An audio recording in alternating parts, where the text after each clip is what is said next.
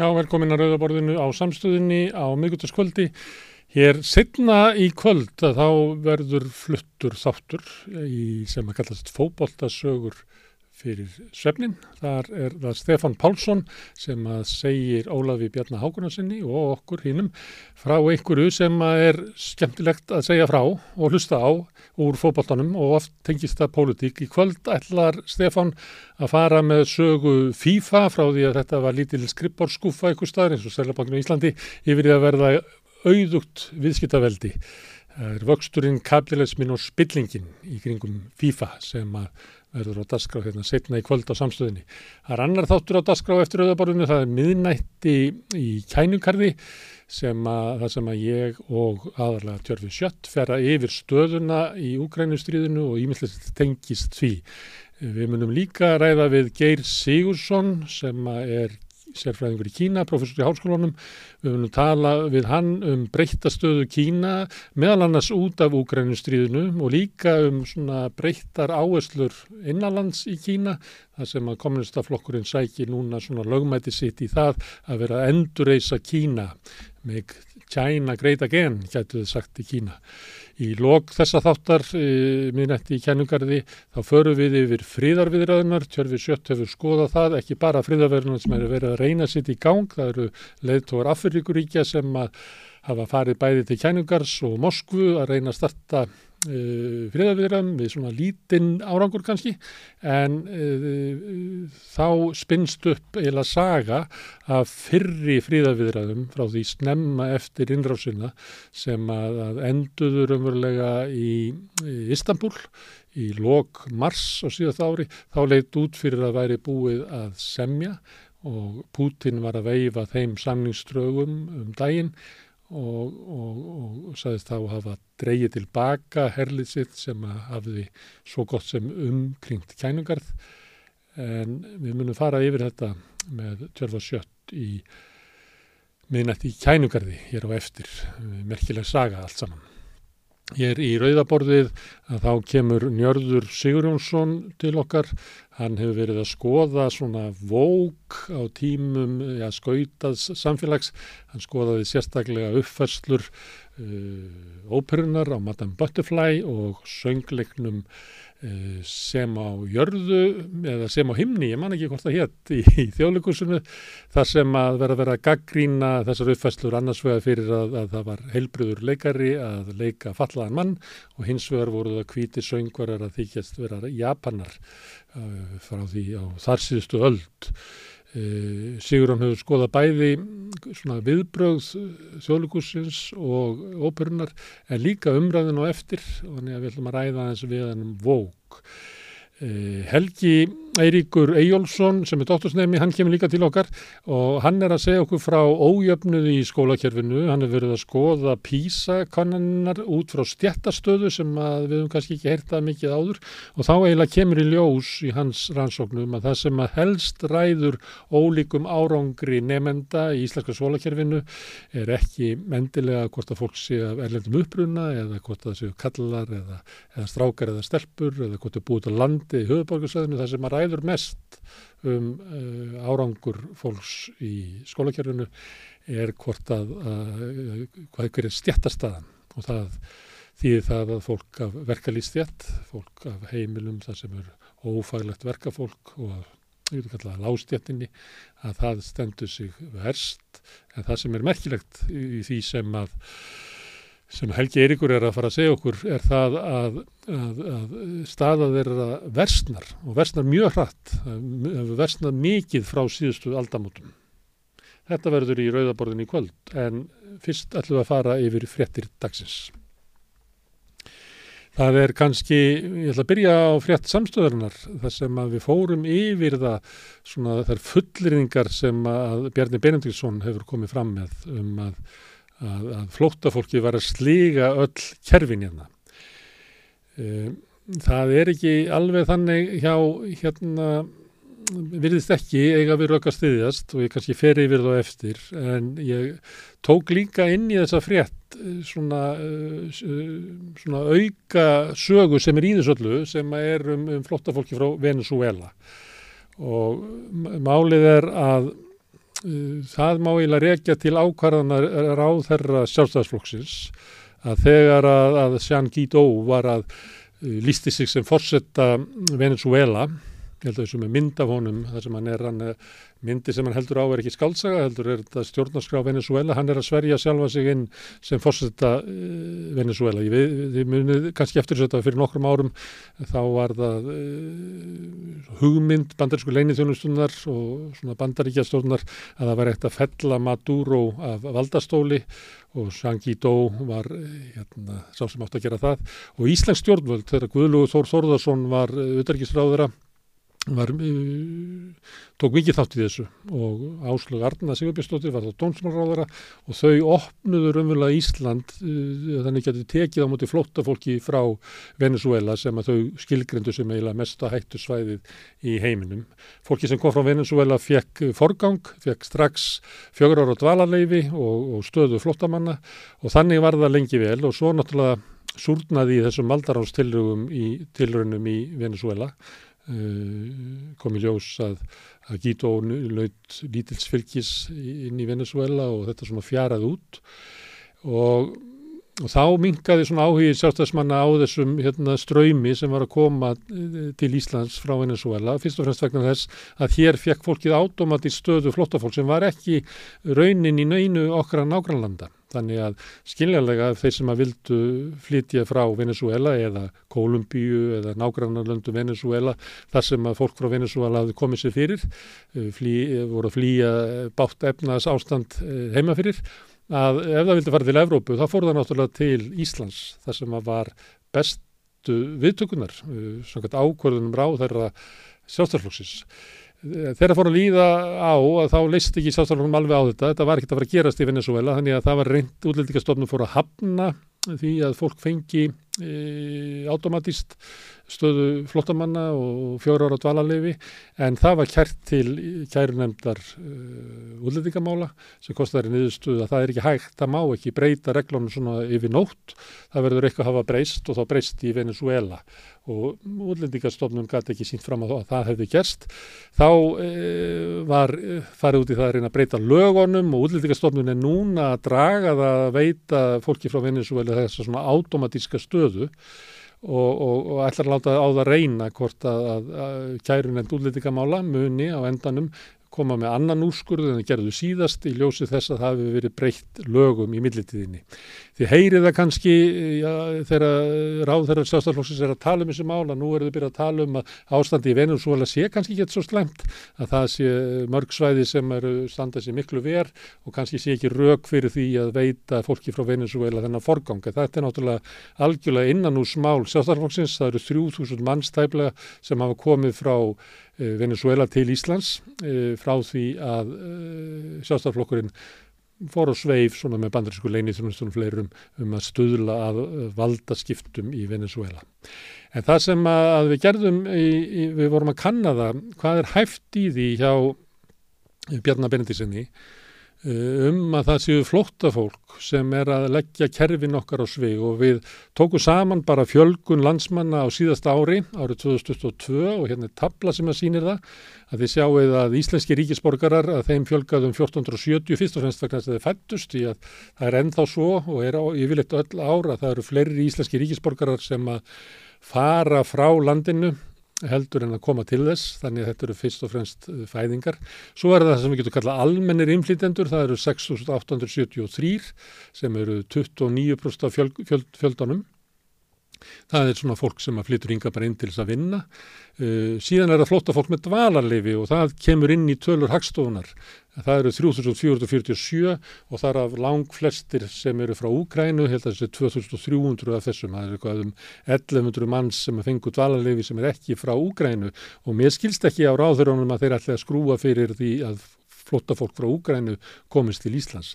Og þá eru það eftir e, sanga tölum útlendingastofnunar það eru þeir hælisleitutur sem ekki fengur dvalarleifi, þess að umsóknir í um, um, um, um stöðu flotta fólks í fyrra umfram það sem að, þá, þá sem að fengur dvalarleifi, það eru 1124 það eru 4,8% held og svo eru ferðamenn. Og þetta er meðaltal þeirra sem að, að gista landinu með að við gisti nætur í fyrra. Fjölgunina frá árinu 2021, það er 10.700 fleiri eh, ferðamenn að meðaltali á Íslandi á hverjum degi. Ferðamenn náttúrulega leggja ekki aukið álagt á mentakerfið, þeir leggja það á vegakerfið og heilbriðiskerfið og annað slíkt. Og af þessari tölu mátti sjá að aukningin á, á álugunum og grunnkerfin okkar er að mjög litlu leiti frá hælisleitundum. Það er að síðan bera saman að ef maður tekur bara uh, þá flóttamenn sem að sóttum hæli á Íslandi í fyrra sem er ekki frá Úgrænu og ekki frá Venezuela að þá er sáranlítil fjölgun þar, það eru 300 manns sem eru fleiri núna heldur en voru fyrir COVID 2019 áður en að COVID dróður úr hinga komu flottamanna um, um svona skamma hríð. Og það, þessi 300 manns sem að, að raunverulega uh, sjálfstæðarflokkurinn er núna beinað aðdegli sinni að og segja okkur að þetta er fólkið sem er, er, er, sem er ástæða þess að grunnkerfin okkar, heilbriðiskerfið, mentakerfið, vegakerfið, húsnæðiskerfið, allt er við það að rinja eru þessi 300 manns. Þetta trúur ekki nokkur, nokkur maður því að þetta er kannski 1% af þeirri fjölgun sem var bara í fyrra. Þannig að allavega niðurstöðu samstöðunar að fullinniðka bjarna að það er bara standast ekki. En það er ekki allir samála samstöðinni. Morgublaðið byrti leiðara í morgun, Davíð Ottsson skrifaði hann, eh, gerir maður áþyrir, það sem að var verið að hvetja raunverulega flokkin í því að, að herða stöðuna, eh, afstöðuna í flottamannamálum og að ríkistjóninni bæri raunverulega að, að, að stíga upp og grýpa til einhver aðgerða sem er líklega að loka landinu með einhverjum hætti líklega ekki fyrir úkrænumönnum, það er erfitt kakvært venezuelamönnum að þeir sjálfstæðsmenn opnu það sjálfur, þannig það er kannski lokað þessu fyrir þessum 300 manns sem ég nefndi á þann og Davíð skrifar ef, ef hardnar í dalnum í efnaðsluðu tilliti batnar það ástand ekki og getur hæglega leitt til félagslegar ólgu fyrir en varir sem býður þeim hættu sem býður heim hættu á núningi millir þjóðfélagsópa eins og er þeirra farið að örla á er útilokað að það leiði til uppgangs uppgangs ógeðfeldra skoðana og skindilausna á vettvangi stjórnmáluna ef núverði stjórnaflokkar virðast ófærir eða óviljur að leysa vandan. Þarna er hann, eh, Davíð raunvel að segja það, að ef að, ef að stjórnvöld grýp ekki til hardra aðgerða, kakað flottamönnum, sem ég var að eila sína fram á áðan að er eiginlega ótengt vandanum sem er í grunnkjörfanum okkar sem byggjast á bara langvarandi vanrækslu að ef að stjórnvöld grýp ekki til harðra aðgerða þar að þá muni verða félagslega olga með þetta ótrúleg ótrúlegt hvernig hann kemst að þessu því að málið er náttúrulega það að ef að stjórnvöld stíga fram eins og sjáttaflokkurinn og ætlar að saga flóttamenn um að hafa grafið undan grunnkerfum samfélagsins sem að stjórnvöld sjálf hafa gert að þá mun það valda félagslegri ólgu og hafa ófyrir sjáanlega rafliðingar á Íslandi. Þetta tengir svona ýmsum ágreiningi sem er í ríkistjóninni þess að þetta tal sjálfstæðismanna núna um útlendingamál fyrir ítla í Vafki. Það eru fleiri slík mál. Það er til dæmis, uh, það er ágreiningur um átöðafær. Uh, eh, Bjarni var núna í, í fréttonum í morgun að að segja átöfverð væri batsist tíma og hugmyndin er eða svo að láta svona laga tulkun á því að leifa netverslanir, búa til þannig ástand að það sérum vel ekki hægt að verja það að, að uh, matvöluverslanir með ekki bara selja þetta beint, að þú þurfur ekki að panta þetta áðurferði í búðina og sækja þetta í búðinni, heldur getur þú bara keiftið þetta í búðinni og, og þannig að sjálfstaflokkurinn er að vinna þessu. Það er vitað að, að þetta fer illa í bakland Vafki og markað inn í Vafki og með þess að Katrín Jakobsdóttur sem segir að, að það verði að vera eitthvað svona umræða áður en að svona ákvarðanir séu teknar en sjálfstaflokkurinn er ekki að hlusta á það, hann er alltaf að keira þetta í gegn. Anna mál er kvalamálið, það má sjá svona hvernig það leggst mísjaflega í e, eh, grásrút flokkana. Eh, Viljámi Birgisson skrifaði hart eins og við bentum á í gær, hann er að verja störf fólksins sem að vinnur í kvalnum, það eru 130 mann sem að líklega eru flestir í verkefliðsfélagi Akranes, hann er að skrifa um það og það er aðeinsvægt ef við farið inn á, inn á Facebook og, og lesi statusuna hans Viljáns Birgissonar að það hlaðast inn svona fólk sem að maður geti svona eignað eða ætlað að sé hluti af græsrót sjástarflokksins og framsunarflokksins. Og það er annað mál sem að við höfum kannski ekki vakið vaki nógu mikla aðdeglega á vegna sem við höfum fjallað um lokun sendiráðsins í Moskvu þar sem að Þórtís Kolbrún Reykjavík Gilvardóttir lokaði því e, raunverulega kom bara inn á, á, á fund utryggismálanemdar og tilkynnti þessa ákvörðun. E, þetta hefur farið ítla í Vafki sem að þeirra maður sem var þarna e, sendi herra og fluttur til hérna Kaupinhamnar, ég veit ekki um hvort það var með hans vilja eða ekki en málið er að þetta er eitt af þessum málum sem er að valda auknum uh, átökum inn í, í ríkistjóninni við höldum áfram að fylgjast með þeim næstu daga. En talandum átök að þá var hann Eyjólfur Árnir Absson í, í, í samtali í dagmálum okkans þar sem að uh, ultrahægri bladamenninir kalla, kalla menn til skrafs og ráðgjörðar og hann var meðal annars að, að hann var að segja það, hún finnist verkbann vera of sjaldan beitt og, og ítti svolítið undir það að ef að verkefliðsreifingin ætlar að gera svipað og uh, eblingerði í síðallegi vetur að fara í verkvöld gagvart einstöku fyrirtækjum að þá er SA að meta það sem svo að, að verkbannið sem þau bóðuðu, hann er eiginlega íta undir það að það hefði verið rétt ákvörðum, það var, var kosuðum þetta og það var mikill meiri luti í SA sem að kaus með þessu. En þessi svona hugmynd hún, hérna, mér fannst það að, að hún væri að vennjast mjög illa og raunverulega bjargaði ríkisáttasemjari SA frá því að, að þurfa að reka heim ja, 20.000 félagsmenn eblingar e, launalöst sem að ég veit ekki hvað, hvað afleðingar hefði haft. En það hefur verið talað, ég hef talað við fólk hér við rauðaborðið um, úr verklisreifingunni sem er að tala um hörð átök næsta haust og það er auðvitað á formanni samtaka aturlýsins að samtaka aturlýsins er líka búa sig undir hörð átök og ætlar að nota allt sem þau eiga í vopnabúrinu.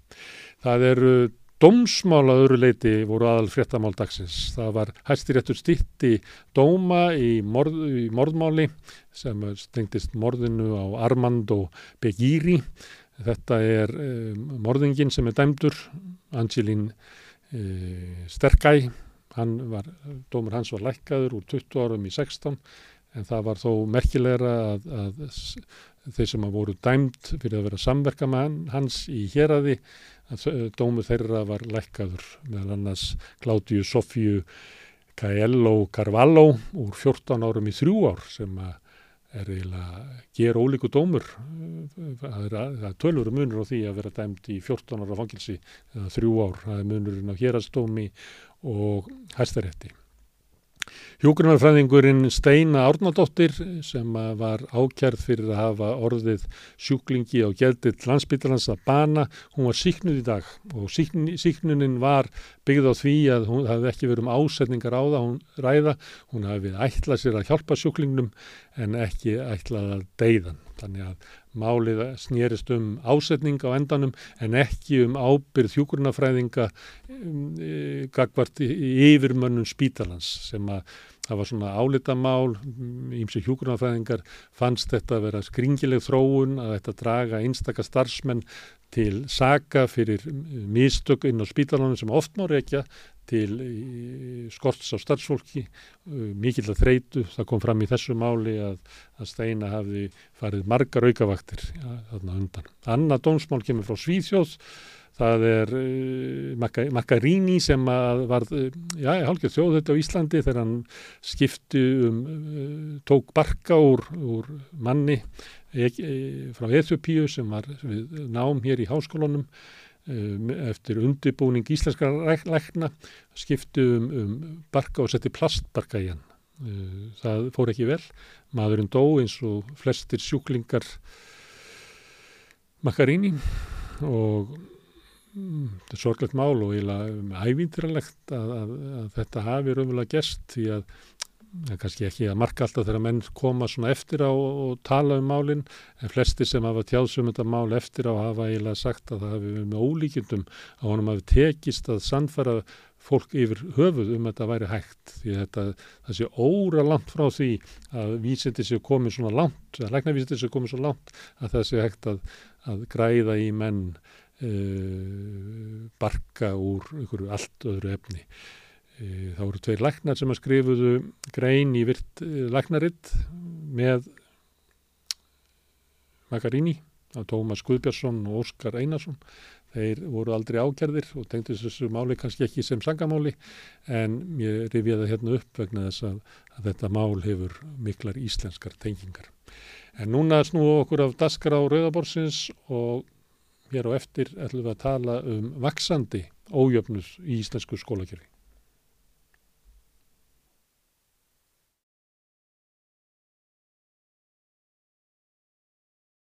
Já, við ætlum að ræða um ójöfnuð í skólakerfinu. Hann er komin hingað Helgi Eiríkur Eyjólfsson, doktorsnemi og stafsmar í ráðundinu. Þú hefur verið að skoða, að, ég held að við kallaði norrænu þversögnina í, í skólakerfinu að, að það er eins og að, að náist ekki að vinna upp ójöfnuð inn í skólakerfinu eða á það kannski bara við um, um sumríkin.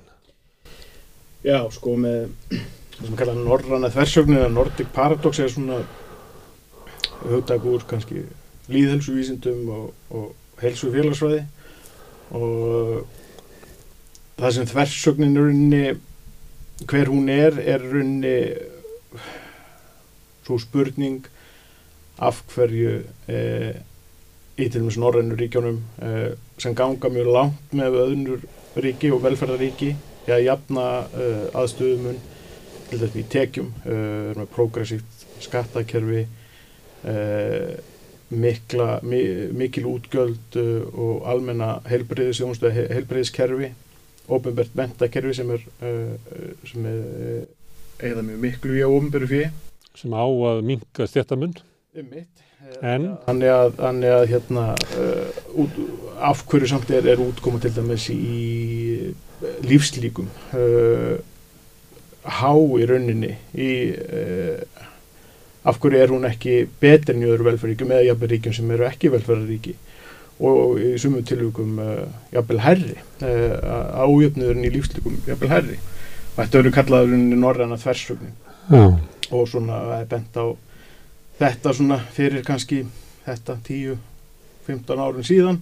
Mm. uh, og það sem ég uh, vildi skoða er hægt að finna þessa norrönu þversögn uh, á fleiri stöðum. Og ég er að líta þarna til mentunar Og meður þá bara árangur fólks í skólum eða krakka eiginlega? Já, er unni þau gögg sem ég er að notast við eru úr PISA-rannsóninni eða PISA-konunni og sem býr yfir tölvöld meiri upplýsingum en kannski almennt er í almennu umræðu.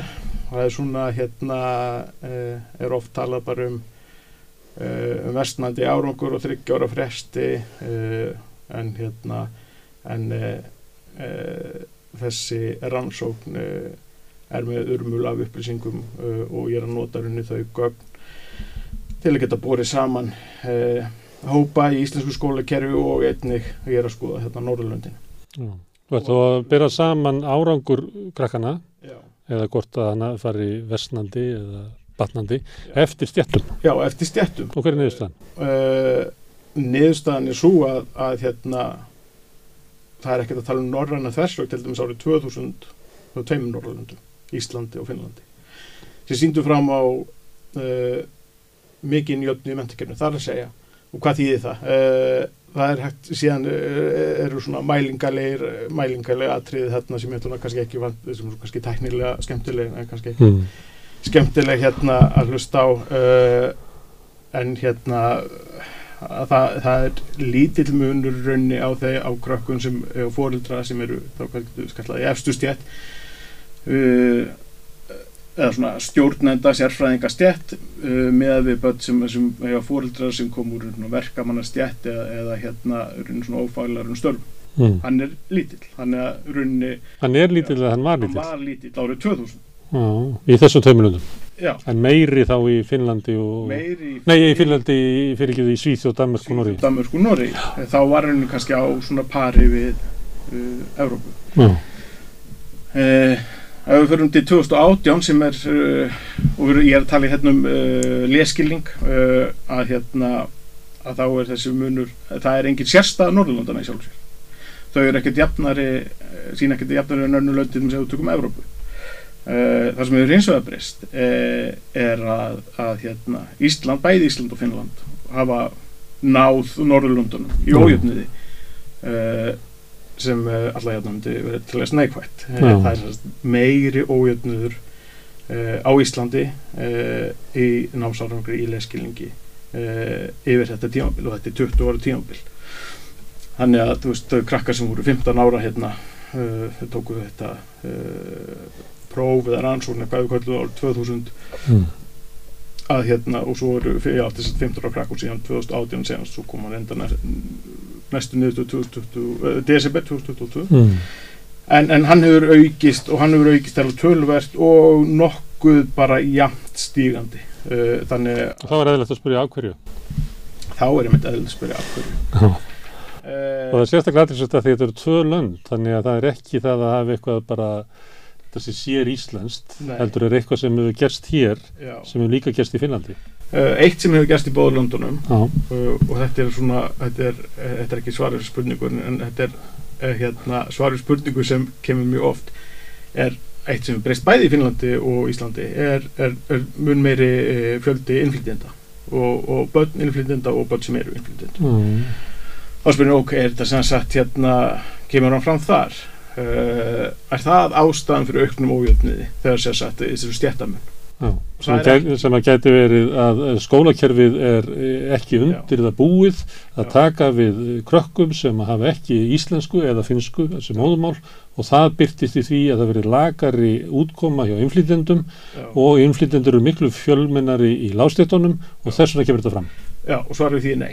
Nú, það er ekki uh, takkur ekki. uh, vegna þess til dæmis að hérna þú tekur sem sagt 2018 og per það saman við 2015 þetta er að þryggja ára fresti og til dæmis uh, uh, batnaði staða einflýtenda samkvæmt bísa uh, og eiginlega bara tölvert uh, á meðan hún, hún hjá innfætum lækkaði kannski ekki tölvert en, en hérna en samt alveg, alveg hérna nokkuð mikið. Uh, sem þýðir það ef innflytjendur hefði ekki verið þá hefði runni meðaltalið okkar í PISA lækkað enn meira. Þannig að runni uh, en hins vegar uh, er mikill, ennþá mikill munur til dæmis á, á innfættum krökkum þannig og, og þeim sem eru innflytjendur. Bæði annara kynslu auðflundur þar að sé börn sem fættust hér hafa búið hér bara frá Mm. fæðingu en eiga fóröld sem eru innflytjendur og börn sem eru innflytjendur Mm. sjálf Þau, þau standa lagar en þau eru ekki skýringin á því að, sko, að, að, að þróunin er niður á við. Nei, það það er ekkert að kenna um nei. uh, uh, sem, sem gæti alveg verið sjálf sem möguleiki sko. Já, eða þá að, skólakerfi væri vannbúið að taka móti þessu fjöldaiflita. Já. Það er ekki málið. Uh, En þetta er, stjætt, er- en þetta er samt stjættarlegt mál. Og, Já, algjörlega sko uh, og rauninni í þeim, þeim tölfræða líkum sem eru notuð til að meta þetta þá er að þú, þú getur stjórnað rauninni fyrir áhrifum uh, innflytenda í þessu og, og hérna og þá breytast aðeins alla stjórnarnir í við ójöfnuðin en ekki mikið. Uh, og, og í þokkabót þá sér þessu ættur ekki að gera það vegna þess að þá er að útskera í burtu stjættamun sem er sannlega fyrir hendi. Uh, stjættamunun er fyrir hendi. En ef þú vilt eh, meta til dæmis stöðu innflytjenda burt sér frá stjættamun þeirra þá þurftur hann að stjórna fyrir stjætt og þá kemur líka í ljós sem er líka forrættinlegt að hérna að sko tölvörður uh, hluti af muninum uh, á, á þeim námsárug sem innflytjendur uh, uh, sem ná með við innfætta hann skýrist mjög mikið af stjætt og af, af stjættabækunum þeirra. Það er börn innflytjenda og uh, börn sem eru er segja, ég kalla bara annar kynslu og fyrsta kynslu til einföldunar. Og uh, að hann skýrist uh, að mjög miklu leiti, ekki að öllu að sjálfsögðu, en mjög miklu leiti af uh, stjættamun þannig að þegar við erum að tala um uh, uh, innflytjendur eða í rauninni, það er áskorun sem, sem í skólakernu varandi það að hérna að innflytjendur fá jöfn tækifæri sömu tækifæri í, í íslensku samfélagi og, og mentakernu hann er, sem, það sem ég er að líka að segja er að börn eru meira en bara innflytjendur. Mm. þau eru líka þau eru líka koma frá þau koma úr stjættskiptu samfélagi sem Ísland er. Já. Eh, Þannig að innflytjenda krakkar sem eru koma af heimilum í herri stjættum, þeir standa sér betur eða, eða minna verð heldur en krakkar vel. í sambæðarstöðum heldur en eh, þeir eru komin í, í lástjættum. Þá sko, verður munurinn á milli innflytjenda og innfættra meiri en í efri stjættum. Ég er bara að reyna að skilja þetta. Ég, Já, sko uh, innfætt, innfættur ég veit ekki, ég nú, nú passa sér að nota hugtök hann að þau séu nú hérna inclusive, sko, er bara í, barn af íslenskum uppruna stjætt Já. uh, uh, sem ná þeim í rauninni besta árangrunum í PISA uh, uh, en, en börn sem er innflytjendur og fóreldri hæstu þeir ná ekki sama árangur samt nei. Það munur þar á minn, Hann- milli er minni já, já, heldur hann- en hann þú rauninni- fer niður í, hann- hann- lægri hann- stjættir. Já, hann þú vilt í rauninni, ok, þú spyrðum uh, þú myndir spyrjum sko, ok, hver er hérna, er munurinn og stöðu innflytenda og hérna börn af íslenskum uppruna uh, í mentakerfinu uh, þá get ég gefið tölu og svo myndir segja, ok, en hver er rauninni Mm. burt sér frá stjættamunum að þá er hann minni uh, uh, svo sem ge- Gengur ekki að segja þetta eins og ég er að reyna að hugsa þetta að ég veit bara Það- ekki að skilja alveg rétt sko. Nei, það það er hérna munur já, á hérna börnum af heimilum innflytjenda mhm, þar sem að íslenskar öllum líkitum ekki töluð við kvölduraborðið. mhm, Það munur á þeim og eh, þeim sem eiga hérna, íslenska fóreldra þar sem er töluð íslenska við kvölduraborðið mhm. í efri stjættum. En þegar þú fer neðar að þá eikst munurinn og þá getur maður dreigið það álöktun að það er einhver önnur breyta heldur en það þú sért að innflytjenda heimili eða ekki mhm. sem að, að vegur þingra þannig að þegar þú leggur þetta tvent saman að vera innflýtandi og af lástjættum Já. og þá magnast það upp. Já, já, á, ok. Það er, er alveg en það er ekki eins og oft vil verða í svona þegar þú Já, þetta er rauninni bara additiv sko, þú veist, þetta er hann bara, sá, hann bara leggst við sko, Já, uh, sem sagt, hérna uh, þannig ef við ætlum að glíma við vanda innflyt, barna frá innflytjanda heimilum þá hérna er algjört krúsjalt atriði að horfvera með einhverja lausnir á stjættaminnum já, og að það á við um uh, um alla nefndur og alla, öllum stjættum mm. en ef þú ætlar bara að leysa vanda eða það er áskorun sem innflytjastanda fyrir þið ná ekki sömu sama árangri uh, bara út af því þau eru innflytjendur bara tungumál. Já, þá ert að gleyma cirka 40% af vandamál þú getur Uh, mist margs Já, algjörlega. Uh, að þú myndir leiðir þetta allan óinn þú myndir gera hann að núli uh, í hefða, íslenska uh, mentakerfinu mm. það myndir bara, ok, það hefur engin áhrif að því það er ekki allir náðu sumargrinn það nei. engin, það er engin breytilegi eftir stjættu þá var búin að lesa tæplega helming af Mm. Muni uh, á innflytjendum og, og, og á íslenskum uppruna Mm. þannig að þegar hún setja í samingi hversu mikið skiptir þetta máli Mhm. vegna þess að líka að börn, e, e, innflyt, e, já, innflytjendur þau, e, sko, stjættabagnum þeirra hann er ekki, hann er mun óhagfeldari ef við getum orðað það svo Mm. heldur en barna á íslenskum uppuna það er að segja innflytjendur sinna hérna verkamanna störfum og lálunum störfum í miklu meiri Mm. uh, mæli en íslensk En áður en við glýmum við hérna spurninguna hvað, hvað gerðist og við, þú ert eiginlega að íta því frá því að það er ekki nóg að horfa á, á fjölgun innflytjandi í kerfinu. Að þjóta nefna innflytjendur og stjettir að þá hérna fyrir nokkrum árum þegar við að vera að ræða um, um niðurstuðu PISA e, þá var meira rætt um sko að skólanur út á landi stæðu hallar í fæti heldur en skólanir í höfuborgarsvæðinu. Áherslu var meira þar. Mér finnst þú svona undarfarið að það hafi verið meira á hvað strákanir standa sig ver heldur en stelpunar. Mhm.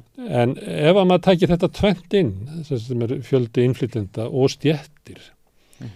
getur verið það á munurinn á milli skólana á höfborgarsvæðinu út á landi bara leiðréttist við það, með því að taka eh, að leiðrétta fyrir þessu tvennu. uh, já, hann ha, sá munur ef þú færi í svona geografískan mun á, á námsálgæft til PISA þá er hann að mestu leiti komið vegna mismundi stjættastu Þannig að Það það, er að bara- tala um mismun á landsbyðinu og höfborgarsvæðinu er eiginlega marklust. Ættir eiginlega að vera að tala um mismun á, á milli stjetta.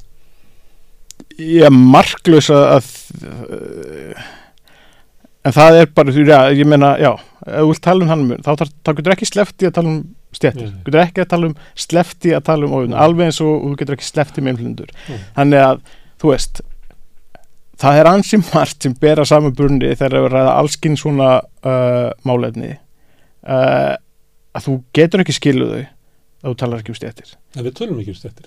Og ég, þú segir að Já. að ég var að vísa til umræðu sem var bara í samfélaginu fyrir nokkrum ára um þetta. akkurat Og ég hef nú sagt að það var aldrei þannig stettir í því, samingi. Nei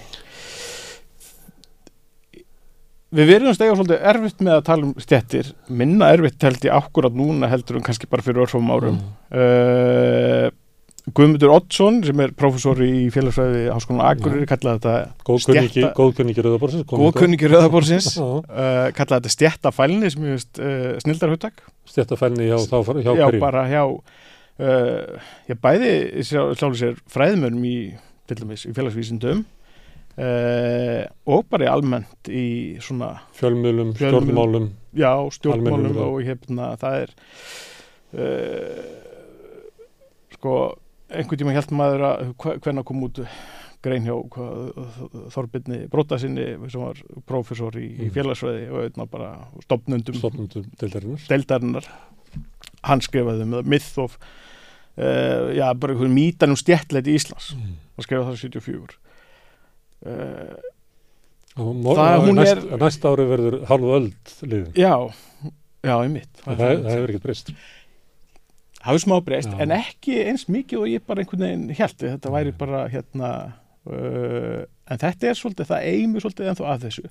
Og ég veit ekki af hverju því að við getum, þau, það verðist ekki verið vandamál í íslensku samfélagi eða, eða, eða svona í umröðu mentamáli eða, eða samfélagsmáli tala til þessum innflytendur uh, en, en það verðist vera svolítið erfitt Kynin, við höfum mjög að tala um Kyn, já, en einhvern veginn við höfum erfitt að tala um Stéttir. stjettir finnst mér sko Já. ég veit ekki alveg ástæðinu fyrir því e, þú veist, kannski er það því að innflytundir eru mjög þú þú veist, þú getur bent á innflytundur veist, þeir eru, eru öðruvísi en hinn sem eru ekki innflytundur, Mm. tala hana tungumál og hérna síðir og venjur eða eitthvað svona er þetta við eða hinn, sko, ég veit það ekki Mm. alveg en þegar þú tala um stjettir þá ertu bara að tala um bara að tala um nágrannana sko, eða ekki Mm. Ert að tala um fólki, ert bara að tala um Mm. En að við nefndum kynin að því að það sem að hefur verið undarfærið mest talað í, um í tengslu við PISA eru munum á kynjónum. já, Þú lagar það ekki með stjættagreiningu eða? nei Nei. uh, þú veist, það er, það er ekkert minni munur á milli stráka og stelpuna í efri lógunum nei, nei, það er rauninni bara það er bara er- rauninni Það er sjálfstæð alltaf jafn glata þér strákar. Þú veist, það uh, já, svona, nei, alls ekki sko. Eða þú veist, uh, það er talað um hann mun í leskilningi uh, mm. í, í mitt sem hann byrtist í PISA en uh, PISA uh, er líka er með þrjárunni vittir sem er læsi og leskilninga svona, hérna, já, leskilningur læsi á starffræði og læsi á náttúruvísindi starffræði mælist engin munur, kynjamunur í náttúruvísindum varla uh, en hann mælist tölvörður í leskilning Já. og, og sá munur er, er tölvörður, hann mælist reyndar í hverju einasta landi. Já. tölvörður, sérstaklega í leskilningi uh, og það Meiri- talaði um uh, já, svona kannski uh, bara í nýjustu já, síðan frá 2018 þá er hann kannski, já, svolítið aðeins meiri en hér en svona meðaltalið í OECD-ríkjum uh, en við viljum setja það í samingi sko, því að uh, þá er sko munurinn á þeim sem börnum sem koma á fróldum í uh, sannsagt, getur kallað verkamanna stjætt með stjætt stjórnenda og herri sérfræðinga. Það er tölvört meiri munur en kynjamunurinn til dæmis. Uh, jafnvel hátt í jafnvel, já, tvöfaldur munur sko. Það er að segja munurinn milli stráka og stelpna og munurinn milli aðstustjætta og læstustjætta því hann er tvöfaldur sko. Það er að segja þegar þú hefur ágjur af strákunum þú hefur ágjur af þá þú hefur tvöld meira ágjur af, af stjættum í sjálfur sér En Þetta nýttur að vera áfall fyrir hérna, skólafólk því að hugmyndin á bakvið ofinbert almennt skólakerfi var að allir hefðu jafnan möguleika já, og skóli, ég veist um að þú geti fundið gammalt skólafólk sem segir að skólakerfið er stæðsta jöfnutæki í samfélaginu. uh, Já. Svo vil að segja að það virki ekki þannig. Er, að- ég er allavega ég get allavega sagt það uh, og það er ekki sérstaklega, gleðum ekki sérstaklega að segja það, Mhm. að hérna að uh, að þessi munu að hvað við segja, uh, að skólinn sem jöfnumtæki sem er eiginlega veist, uh, ástæðan fyrir ofnbjörgu mentakerfi Já. komplett uh, það hefur eitthvað gerst hvort að það hefur eitthvað gerst í skólakerfinu hvort það hefur bara gerst því að börn eru meira en bara nefnendur þau lífa í samfélagi þau skal lífa í samfélagi sem hefur breyst mikið á, á 20 árum uh, að að hérna uh, en, en skólakerfi er, er, er til þess rauninni ætlað að því að þessi munur er til staðar uh, bara félagslega hérna það getur kallað nánast einhvers konar lögmál sko að það sé hérna lagskipt samfélag Mm. samfélag eru lagskipt uh, en í rauninni afleiðingar lagskiptingarinnar uh, það er reynd að leiðrétta það með meðlans með skólakerfi uh, ofnböru mentakerfi ofnböru helbriðiskerfi þá ekki skipta máli hvort að Mm. á hvað stjættu kemur hvort þú eh, fáir þá helbriðsjónustum þart eða þá menta þjónustu Og þú ert að segja að ef, ef okkur hefði tekist það fyrir 20 árum já, þá er okkur að taka það miklu verið í dag. já, því miður. Þá er bara þá er bara allt sem bendir til þess. Já.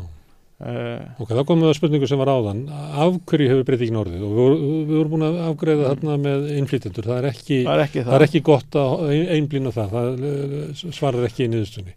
Þá getur verið, hefur sko skólakerfið versna eða hefur staða lástjættana uh, hérna, hérna, hérna verkafólksins hefur, hefur hún versnað og það var ekki endilega, það er ekki að vera efnarslega, það getur líka bara verið svona, svona staðan í samfélaginu að, að fólki sé meira undirsett í dag heldur en var áður. Það hefur orðið minni já, hugmynd um jöfnuði í samfélaginu, þannig að, að það, hérna, fólk, krakkanir, fara í skólan með þetta svo mara á bakinu, stjættaskiptinguna.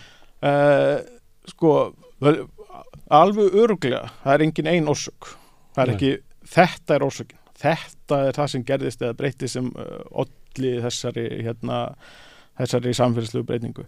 Uh, en uh, þannig að uh, sko það en, en, en, en það er eitt til ljóst að, að hérna ég, ég veit ekki hvort að Já, ég ætla nú ekki treystum ekki til að skólakerfið sé verra uh, því að það er ekki verra fyrir uh, börnin af, af hérna úr hagfældari stéttum Mm. uh, en sem jöfnunutæki uh, þá virkar það ekki eins og vel sem jöfnunutæki uh, eins og það gerir fyrir 20 árum En Það getur gert, svo getur, orðið verra þar, við getum ímynd okkur það. Segjum Já. að kerfið hafi verið þarna verið ekki svona ríkjandi hugmyndin í skólakerfinu, það ætti að vera stuðlað auknum jöfnuði. Já. Síðan breytir samfélagið, viðhorfin í samfélaginu og innan skólakerfisins er bara lögð minni áslá þetta.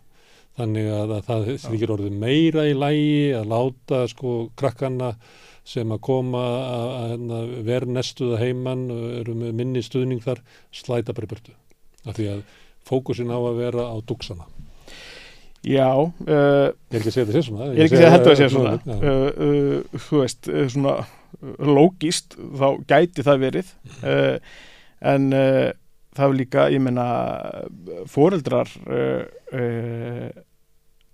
eru miklir áhrifaldar og lífböðs uh, ef, ef, ef, ef foreldrar leggja minni áslamenntun uh, eða foreldrar á hægst til ekki meira áslamenntun en gerur þá getur hal- viðhaldið þessu uh, uh, svo gæti líka verið bara aðstæðan uh, uh, sko það er náttúrulega hefur verið einhver uh, úr hluti af, þetta er svona hluti af svona stærra verkefni sem er að kanna félagslegan reyfanleika á Íslandi eða félagslegan stjættarheyfanleika það er að segja Mm.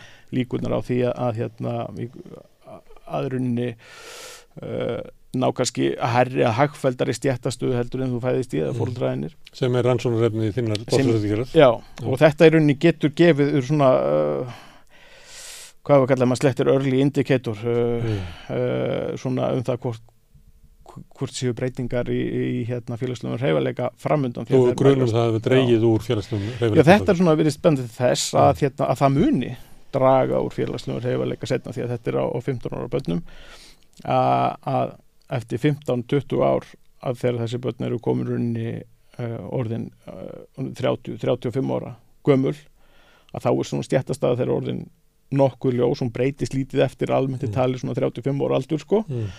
að því að uh, börnum sem gengur uh, uh, ver í skóla eftir þessa 10 ára skildu skólagöngur, 15 ára þau, þau, eru ólíklegri til að útskrifast úr framhaldsskóla, þau eru ólíklegri til að útskrifast úr háskóla þau eru líklegri til að uh, uh, vera að þurfa að að vera atvinnulegs uh, heilsa þeirra er, er, er almennt verri og eigar svona runni tekju og tekjulega séð og þau eru brothættari stöðu bara í efnaðslegum uh, hérna hverjubiljum sem geta Mm. skollið á sko Mm. líklegri til þess að verða fórnanum uh, grimdar stjættaskiptingarinn Uh, það er, er, það, er Þú mætti orða það er hægt að orða það þannig sko. Mm. uh, þannig að hérna og það ef, ef þau börn eru líklegri til að koma úr, úr hérna uh, aðstæðum uh, svona verkamanna aðstæðum láluna aðstæðum að þá er rauninni festastuð þar sko. Og, og, og, og, og það er rauninni lýsi kerfi sem er uh, þjóðfélagi sem er ekki býður ekki upp í upptækifæri sko sem er svona grunn hugmyndin sko En þegar þú ert að lýsa þessu þá dettur mér í hug um, ég, það er kannski ekki hægt að mæla það en, en á einum tíma gæti hérna, gætu fóreldrarnir að verkefliðstjætt hvart börnin til þess að læra til þess að standa sér vel í skólanum vegna þess að það veri líkilega á því að koma að losna. Þetta er mjög algengt í á innflytjandum til dæmis að, að fóreldrarnir eru bara fórna sér fyrir börnin Já. til þess að þau geti komist upp um stjætt. Rétt. Í samfélagi það sem er ekki félagslegur heimaleiki þá náttúrulega hætta fóröldarnir að hugsa svona að þau sjá að það þýðir ekki. Já og, og svona, þú veist, uh, uh, það hefur líka verið svona í vesturinn samfélagin svona líkillin að því að færast upp um stjætt sé gegnum mentun. Mm. Uh, að það sé uh, en, en, en þegar, þegar sambandi milli sko uppruna og mentunar útkomu uh, er, er stert þá er minni reymanleiki sko. Mm. þannig að þú veist, ef það eru er, er mjög litla líkur á því að, að, að hérna, barn úr eftir maður stjætt uh, sæki sér uh, mentu, kannski háskólumentu sem gefur í færi á hérna, meiri sérfræði störfum uh, að, að, þá er ekkert þá, þá er mentun ekki að, þá, þá nær hún ekki að hjálpa til við þeirra félagslegan hreifalega sko hann er Mm. að það samband þar að segja stjætta upprunni og mentun ef það samband er veikt að þá uh, og, og síðan ertu með sambandið milli mentunar og, og er henni enda stjættastöðu, svona destination er það kallað, Mm. að hérna uh, það sambandi stert að, að, að þá er mentun mikið hreyfiðafl í félagslegum hreyfanleika Mm. þannig að, að en ef, ef sambandi milli sko og hérna stjætta uppruna og síðan uh, þeirra mentuna sem þú segir er ef, ef, ef, ef hérna það fer að vera meira stýrandi þá er menturinn ekki uh, getur hún ekki verið þar hreyfiðafl uh, sem, þarf, sem, sem, sem þarf til að rauninni uh, að valda félagslegum hreyfanleika þar sé að skipti minna máli hvernig aðstæðu fæðist ég veit ekki alveg hvort það kom nógu skýrt Nei, sko. en ein, eina hérna- því við erum að tala um hvað getur verið, það var að, þú veist, kerfi getur verið lakara og það er svona, þú veit ekki alveg, það getur verið hérna innflytjandunir, það er ekki alveg, en ein, ein leiðin getur verið svo að sko staða uh, lástættana innan ófæglaru verkafólks sé einfallega verri í dag, annarkvort efnarslega, að það sé bara uh, hérna að lífsbarða sér harðari eða þá hérna svona samfélagsleg staða þeirra þannig að þau upplifi sig sem sagt, möguleikana til dæmis á, á að, að, að, stjættalegum reyfaleika sem minni. já, Það var eitt möguleikin að, að hópurinn, já, hann standi bara ver áður en kemur að skólan. já, það er, það er ein uh, önnur svona tilgáta og hérna uh, er að að það hefur verið mikil félagslegur hreyfanleiki og breytingar á vinnumarkaðun sem þessi raunni þessa hérna, hagfældar stjettir á að stækka, störfum í þeim hefur fjölgað mikið sko uh, og, og hérna að þannig að þá hópur sem uppliði ekki þennan hreyfanleika að hans raunni þó að mingi standi raunni ver Mm. og það er svona svolítið svona engjörð, byrju, hvernig getur uh, mikill félagslegu hreyfanleiki valdið meiri ójöfnuð því að er það ekki það sem félagslegu hreyfanleiki gerir, hann er að minka ójöfnuð en þetta er svona hinn hliðin á pinningum að, runni, að þeir sem runni sitja eftir uh, að finnst ekki þægilegt að segja sitja eftir að sé eins og Mm. en neða, uh, hérna að þau á einhverjum öðrum orsökum séu að, að glíma við miklu meiri áskorunir heldur en heldur en hópurinn gerði í runni, sami hópur gerði fyrir löngu síðan, sko, eða kannski Mm. 20, 30, 40 árum. Þannig að, Þannig að þegar rauninni- verkafólk var kannski 40% af, af hópnum, já, þá var þar inni alls konar fólk og svo líður tíminn. Og mikið af, af, af, uh, því fólki, náttúrulega komið nýtt fólk, upp í stjætt, en þeir sem ekki tókst að upp í að þar Já. situr eftir uh, mikil veikindi, einhver veikleiki til þess að, að sem að heldur fólki í meiri fátækt já, og hérna gerir tækifæri barnanna lagari. Þetta, og, og þá getum við sagt það svo að við séum ekki eins og við séum að, að hérna, dæma fólki sem að situr eftir að þá kemur í ljós hæfileika leysi skólakerfisins og samfélagsins í heild til þess að, að rétta stöðu þessa hóps vegna þess að hann er að leiti öðruvísi heldur en hópurinn var þegar það var 40% stöðunni. Við getum þetta verið eitthvað svona. ég held að það geti verið nefnilega. Já. og það hefur uh, og ég mitt ég hérna fyrir einhverju viku síðan mánuðum síðan uh, hérna var ég mitt að, að hérna hýpoþerisera um þetta Já, og mér fannst mér hans í snjall sko já, uh, og svo hérna las ég betur uh, hérna grein sem var um um þennan Nordic Paradox í, í helsu að, að hérna að þá er, er frægur frægur maður sem stakk upp á því sama hann að uh, allavega ég hef ekki Já, þessi, þessi hugmynd mín er þó ekki hérna uh, ekki, ekki ný en, en ég get allavega stutta með þannig að það Já. er frægur uh, vístum að sem allavega stakk upp á því að þetta gæti verið einn hluti af þessu norrænu þversunni heilsu og þá alveg að samaskapi norrænu þversunni í námsárangri og uppnið námsárangri sko. sem væri náttúrulega rosaleg hvað við kalla það, svona sóun samfélagsins á að akta gagvart þessum hópi og sama hátt Já. og, að talið vera eðlilegt að gera ef þú voru bara bjargaðir út úr þessu einhvern veginn. En svo hérna, þetta er þetta að taka endalust dæmi af þessu, við getum ekki dæmi af, ég má, hérna, þessu áfengismeðferð, það kemur ykkur hópur inn og hann fer í meðferð og gagnast honum svo meðferð og þá hætti sumu til þess að, að segja að, við erum ekki búin að finna meðferð sem að gagna, við bara gagnast bara 30% en 70% hún gagnast þeim ekki. Og hvað er við þá að segja við þann hópa hann sé ómúlur? Eða ég að horfa á það þannig að betur við erum ekki búin að finna upp meðferð sem að gagnast þessu 70% nei, og svo getur við haldið áfram, svo byrjum við finnum við nýja meðferð og nýja meðferð, alltaf situr ykkur hópur eftir þess að við erum ekki búin að finna upp meðferð sem að Já. gagnast þeir, þeir fólki í þeim aðstæðum. Og þá hættir okkur til þess að skamma það fólk frekar endur að horfa á það að byrju, við verðum að flýta okkur að finna sko, meðferð sem hendur þessum hópi. já, Ég er bara að reyna að taka einhverja líkingar Já. um hvernig við bregðumst við sambarlegum stöðum. Já, mér finnst þetta bara mjög fín líking og hérna og, þetta er mitt sko náttúrulega sjálfur sig getur maður að kalla þetta aukningi einstaklisíkju sko þegar hérna, ég, ég menna við erum búin að reyna allt það lítur að bara vera eitthvað að þjá Hér. þér sko.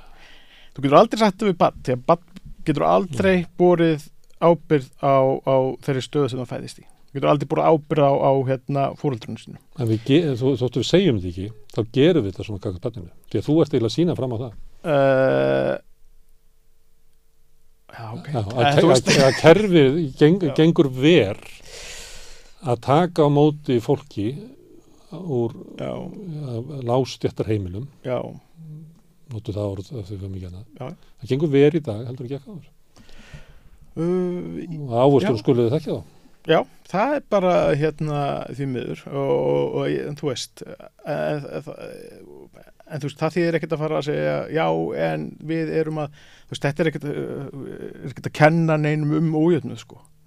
En e, í fyrsta lagi þarf ef þú ætlar að, ef þú ætlar að geta að díla við ójöfnuð og, og við menna tilgangur eins og við segjum tilgangur og mentakerfis er fyrst og fremst uh, þó að kannski sé ekki mjög hérna hávært í svona almennu umræðum skólamál þá er það að leiðrétt aðstöðum með barna. þannig að Eh, börn ber ekki sök á, á þeirri aðstöðu Þú getur það bara ekki. Nei. Hvorki siðfyrirslega nýja lagalega nýja annað sko. Uh, hérna uh, en, en, en til að, ok, til að vinna uh, á þessum ójöfnu þá hlýtur það fyrsta skrefið að, að vita hver hann er hvernig hann hefur breyst og hvort hann sitt í staðar.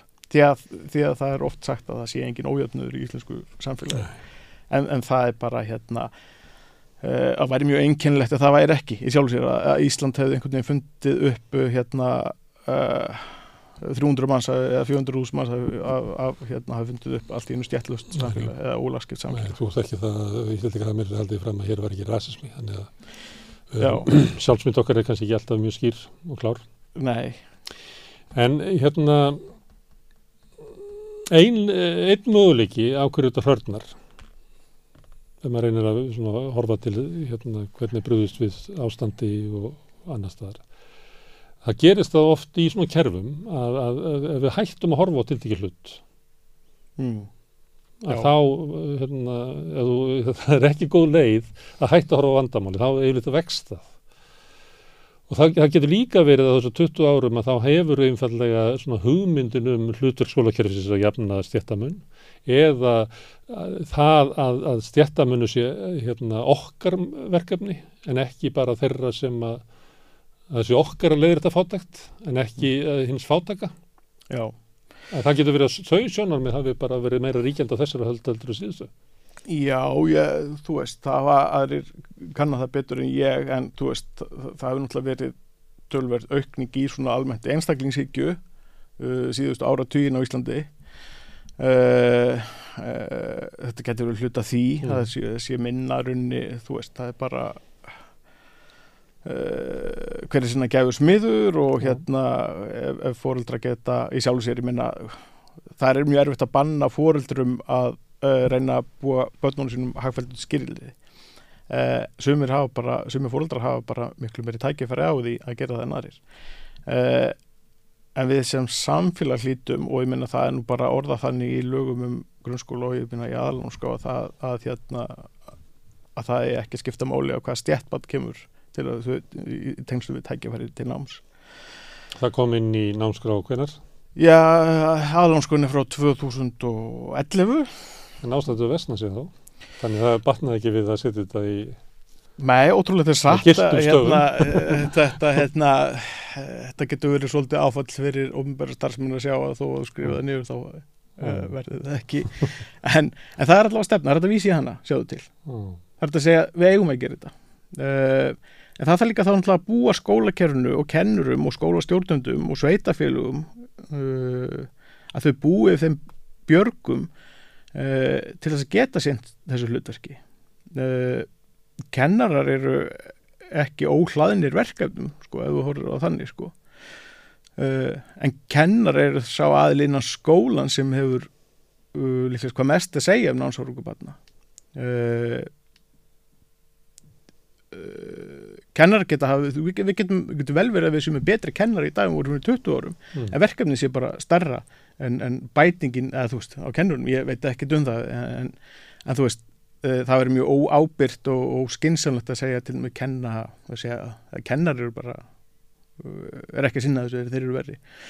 Uh, það þarf náttúrulega að vera eitthvað, eitthvað kerfi sem getur veitt kennurum. Það er bjargir til þess að díla við sí, breytilegt samfélag. Minna, Ísland er ekkert sama samfélag og það var fyrir 20 árum Personulega myndi eitthvað segja. En því miður er líka þetta að segja. Já, ég minna það eru kostur og gallar við, við hansi margt sko. En, en, en það að segja bara eins og oft já, ég minna uh, eh, fóröldrar sem eru til dæmis mentaðir, meira mentaðir með háskólumentun eða eitthvað slíkt þeir náttúrulega þeir þekkja betur menta umhverfi, þeir vita betur uh, svona hvernig þú átt að navigera um mentakerfið og geta veitt bönnum uh, þau ráðu þær upplýsingar. Uh, á meðan kannski hérna, fóröldrar með mjög litla formulega mentun þekkja það ekki jafnvel og jafnvel og sem, sem eldur en það en ég held að sé ekki löst að segja bara við hérna verkakonuna og segja, þú er bara hérna þú veist bara stiðja betur við barnið þetta í mentur mm. sem kannski hefur brotna skólagangu sjálfur uh, að, hérna, að baki og, og, og, hérna, og skólinn var ekki uh, var ekki af þæglu staður og einhver sem, sem átti bara mjög öðvöld með að, uh, að læra uh, og þarna geta komið ímisatrið andleir erfileikar lesblinda ADHD eitthvað sem, sem veldur mm. ströggli í mentakerfunu Skólinn er náttúrulega ekki jafnaðatæki nema hann gerir ráð fyrir því að, að krakkandi fari heim á heimili sem eru misjöfn í því að styðja. Það verður ekki jöfnuð nema að, skólinn geti stutt barnið sem þú varst að lýsa Já, uh, bætti upp það stuðningsleysi sem að fara heima þessar. Annars er þetta bara tómt mál, sko, að tala um já, já jöfnuð. það, þá er í sjálfu sér engin ástæð fyrir Þá er þetta bara jöfn tækifæri barsins þegar það byrjar í skóla. Já, Að þau fá að nota, hérna, farið að fá nákvæmlega sömu skólagöngu alveg saman hvað hún kemur. já Þá er ekki jöfnuður í því. uh, Nei, Nei. það er bara Herðu, segðu mér eitt, því að, þú ert að rannsaka þetta.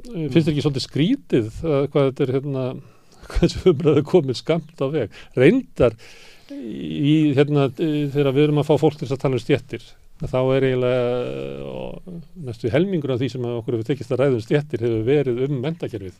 Það bæði, Mhm. hérna, auður, Magdís hefur verið með, hérna, og hún, hérna, hún, hérna, Rós, Berglind. Berglind Rós, Rós, já. hérna, um, sem hafa verið með aðtegli á, á, á stjættaskiptingu í, í skólum. Já, og nú þú. já. En þetta er samt eitthvað, uh, það er eitthvað að skríti við það, við sem að ræða svona, Já, hvað er lítil, hérna,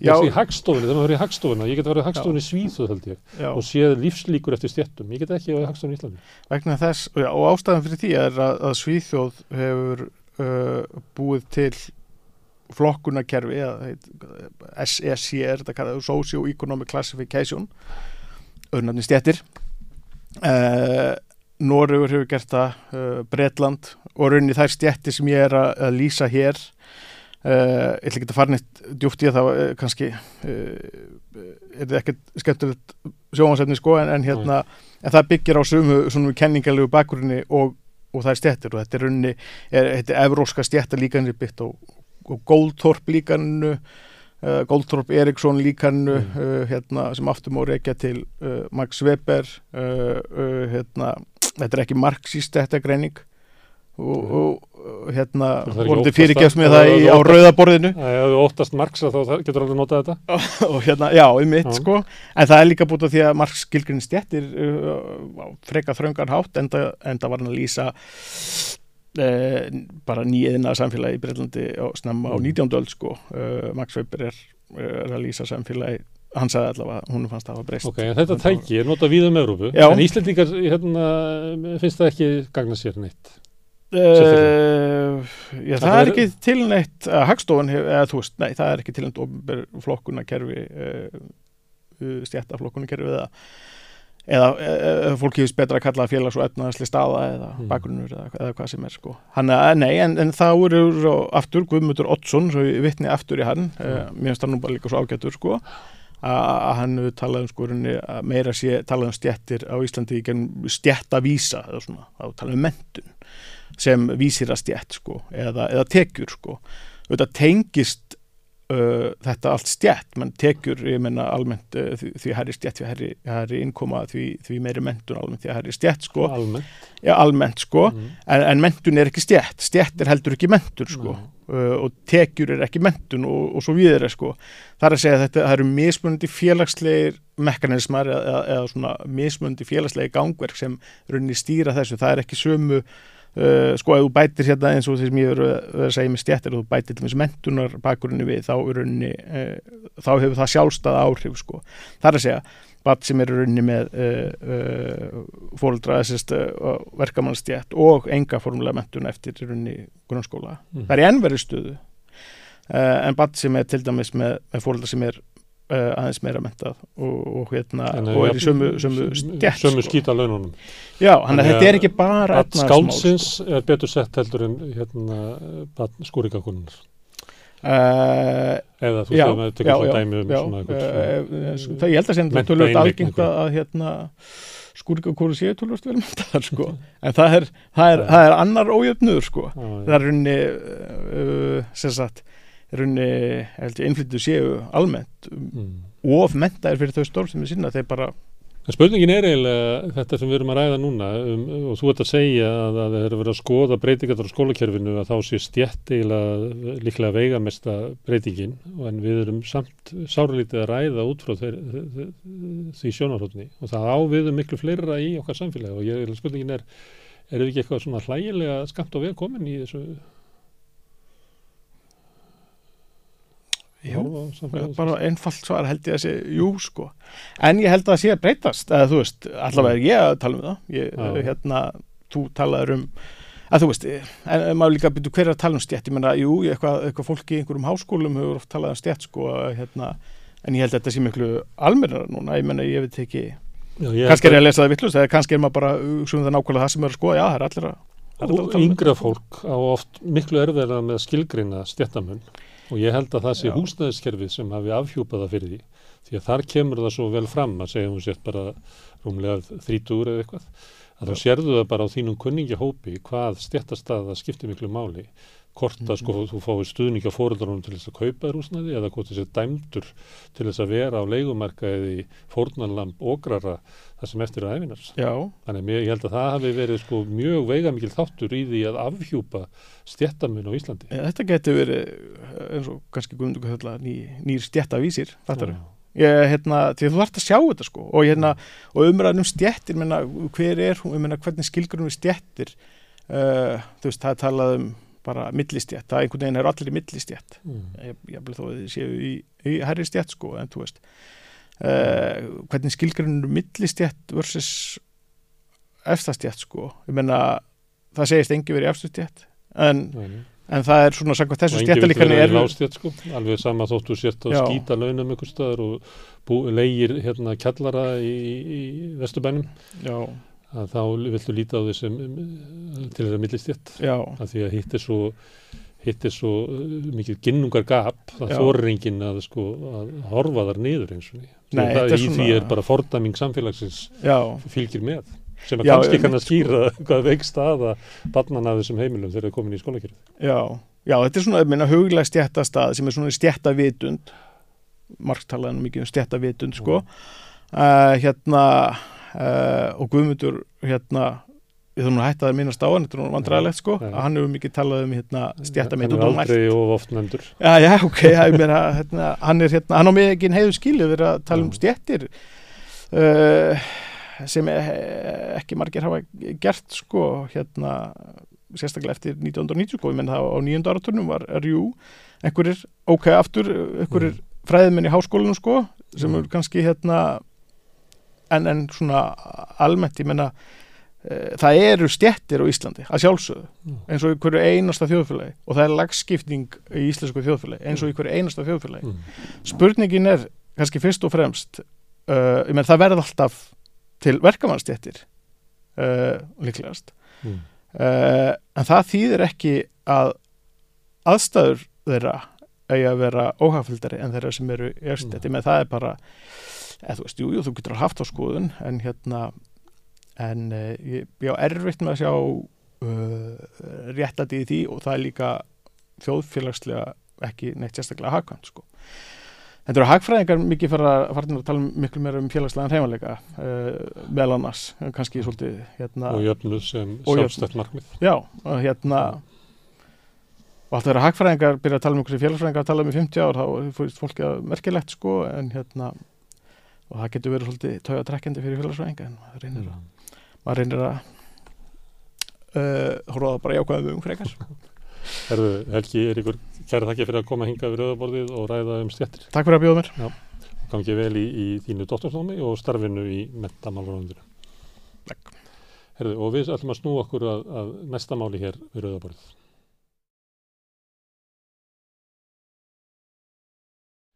Herðu, já, nú ætlum við að ræða vók menningu sem að hérna, er ekki bara eitthvað svona hugmynd heldur helstu einkennum uh, deilna í samfélaginu svona skautun í samfélaginu. Við fengið hérna gesti að undaföldu sem að uh, hafa verið að fjalla um skautun. Til var að það var ráðstörn á Akureyri fyrir hvað þrejum vikum um skautun og það var svo margt áhugavert þar að við höfum fengið gesti sem hafa voru þar með fyrirlist allir að koma hérna að rauðaborðinu og nú er komið að Nýrði Sigurjónssoni sem er prófessor í menningastjórnum á Bifröst.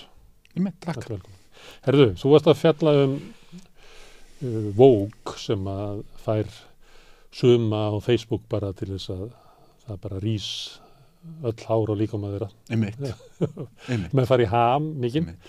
og þú skoðaðir svona umræðu um tvö mál sem að voru mjög ábyrjandi núna í vetur. Það var annars vegar það var uh, leikari sem að, leik bæklaðan mann í uppfæslu þjóðlugusis og sönglik sem að hétt svo á himni Mm og það var kallað Cripface sem er vísun í svona blackface þegar hvítir menn eru að mála sér svartan og leika svarta menn.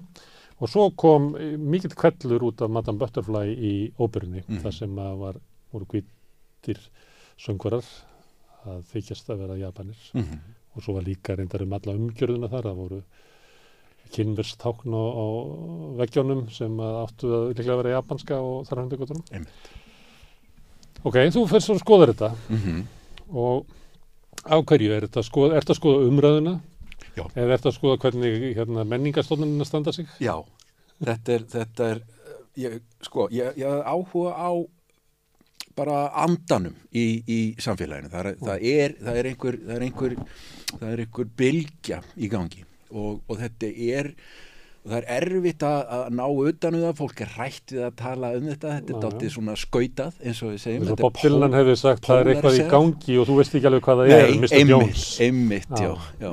og hérna og, en, en það eru er leiðir til þess að taka utan um þetta og leiðir til að reyna að skilja það og, og án þess að setja sig í, í einhverja hérna, stöðu og, og eitt sem að mér fannst líka áhugavert, nú var ég sjálfur tók þátt í uppsetningu óperunar fyrir 30 árum síðan á Mm. þessari sömu sýningu mm.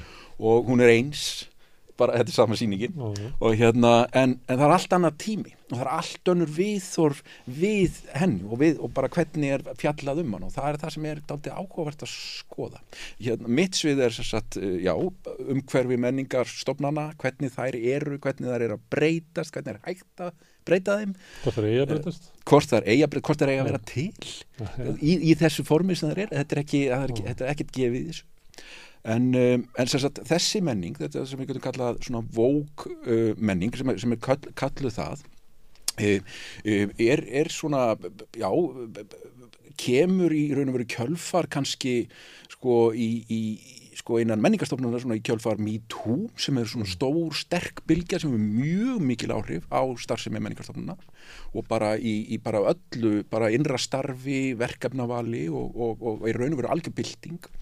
Og, um, og þetta er svona hefur þessi bylgja hefur, hefur, hefur alla burði til þess að hafa jafn mikil og, mikil áhrif og, og hérna og, og breyta í raun og veru umhverfinu. En hvernig eh, tökumst við á við það hvernig En- skilgreinum Já. við það hva, hvað á að gera En Já.